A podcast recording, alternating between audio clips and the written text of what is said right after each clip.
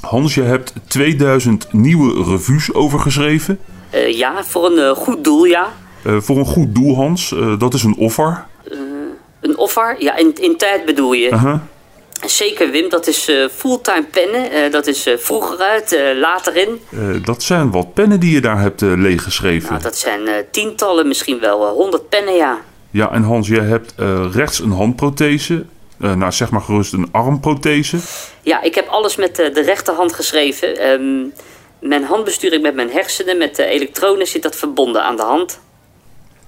En Hans, heb jij niet overwogen om met eh, links te leren schrijven? Nou, nee, ja, ik heb het geprobeerd, maar je veegt alles uit als je met links schrijft. En ik heb in mijn jeugd een eh colophoniumallergie opgebouwd. Dus hè, dat is een allergie voor, eh, voor een mengsel van harsen, van, harsen van dennenbomen, sparren en ook wel coniferen zit die hars in. Ah, En ja. als, als ik in de buurt kom van een conifer, dan blaas ik direct op. Je verandert zogezegd in een eh, onherkenbare mutatie. Hè? Je liet net even een fotootje zien. Ik herken mijzelf niet in de spiegel, nee. Ik heb ook geen spiegels thuis. Eh, maar dus een mengsel van harsen. En dat wordt gebruikt in, eh, van, van vuurwerk tot de inkt van de krant tot eh, eh, vloerbedekking. En nou, in, in mijn jeugd hadden we, dat hadden wij hoogpolig door heel het huis.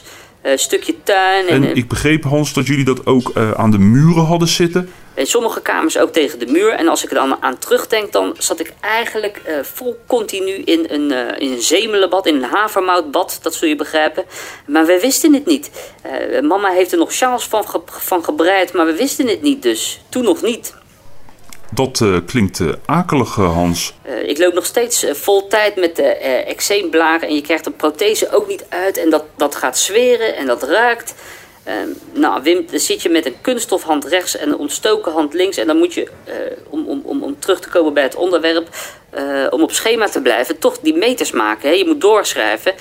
Dat, dat is dan wel zwaar, maar je komt ook in een soort flow. In een, in een trance bijna. Ja, en dan ga je. Dan is het eh, soms nog lastig om even los te laten zelfs. Hans, eh, dat is toewijding. Eh, en dat zeg ik omdat we contact hebben via Zoom nu. Want jij zit op de Comoren. Ja, ik bel je vanuit Moroni, de hoofdstad. En ik zit hier eigenlijk omdat hier op de berghelling de ilang-ilang bloem groeit. Is een specifieke variant, best mooi. En zo, eh, het pulp van die bloem werkt enorm pijnverlichtend op mijn blaren, hè, op mijn wonden. Ja, niets hielp. Alleen deze kutplant. Eh, je zit nu bij de bron, Hans. Ja, eh, als het helpt, dan helpt het. Maar jij bent je schrijfmarathon ook daar begonnen. Ja, ik was hier al vanaf eh, 68 en ik dacht, ik moet wat terug doen voor de natuur. Ik zet, ik zet een civetkat-reservaat op. Maar niemand wilde met mij praten. Oh. Ik spreek sowieso geen eh, eh, Frans. En nou, met gebaren, met zo'n prothese, nou ja, eh, dat, gaat, dat gaat echt niet zonder dat je de mensen afschrikt. Dus ik, En toen kwam Harry over naar het eiland. toen kwam Harry, mijn oude buurman, over. Want die had wel een woordje Frans gehoord. En toen ging het balletje rollen. Toen ging het balletje rollen, ja. Ze hadden van Harry begrepen dat ik dan wel het hele eiland kwam documenteren, archiveren, de hele tering. Hè? De hele gruwel zou vastleggen op schrift. Want ik zou dan een halve robot zijn met een magische arm, eh, had Harry ze verteld. Eh, maar mijn idee eh, voor een reservaat voor de civetkat was nergens genoemd. Hè? Het was helemaal niet ter sprake gekomen volgens mij. Nee. Harry heeft het dus een beetje veroorzaakt, want hij zei: je mag het in je eigen taal doen. En voor iedere pagina stortte zij dan wat Comorese franken door de bus. Maar, zegt Harry, als je nou slim bent, dan schrijf je gewoon iets over uit een tijdschrift of zo. En eh, pak zo uit zo'n stapel een, eh, een nieuwe revue, een, eh, een oude. Zo, zegt hij. Ze kunnen het toch niet lezen. Ze kunnen het toch niet lezen. Nou, en dat is gaan lopen. Tafel op de veranda en iedere dag kwamen meer mensen kijken. En als ik aan het schrijven was en een tijdje ook roepen, heel vroeg in de morgen al, Ans, Ans, Ans. Nou, ik heb ochtends echt even tijd nodig om alles aan te koppelen, maar ja, je, wil- je wil ze niet teleurstellen. Nee. Nou, ik voel me dan toch een beetje opgelaten, want ja, van documenteren, ja, weet je, ik fles natuurlijk de hele boel. En eh, ik heb nou al 2000 eh, nieuwe revues overgeschreven.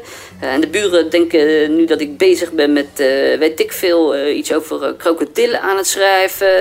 En, uh, en je krijgt ervoor en betaald. Krijgen, ja, de mensen gooien uh, muntjes en uh, af en toe envelop en zo, ja. Maar ik zet in feite geen, geen stap in de jungle.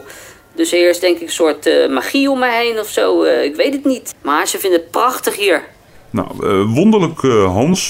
maar we bellen, en dat weet de luisteraar nog niet. Maar we bellen met jou omdat we in de voorbereiding op ons gesprek contact hebben gezocht met de president van de Comoren. Ah, meneer Assoumani. We hebben contact gehad met Asali Assoumani.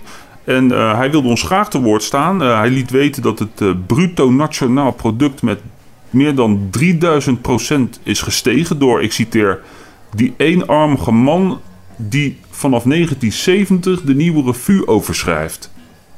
Hans, volgens mij weten ze gewoon dat jij de nieuwe revue overschrijft. Als Soumani zegt, we hebben al zes keer een toeristenstop aangekondigd omdat in Jaarstraat levensgevaarlijke verkeerssituaties ontstaan. Ja, het is wel altijd sterk druk hier, ja. Ze weten dat jij gewoon tijdschriften zit over te pennen. Maar meneer Assoumani zegt altijd dat hij het zo enorm waardeert, het werk wat ik doe. En hij komt ook iedere week met de Confivera soep brengen. En nou... Vivera is uh, civetkat, uh, Hans. Vivera is civetkat, Wim? Hans, ze hebben jou 50 jaar lang de nieuwe revue laten overschrijven. En wekelijks civetkat gevoerd. Hans?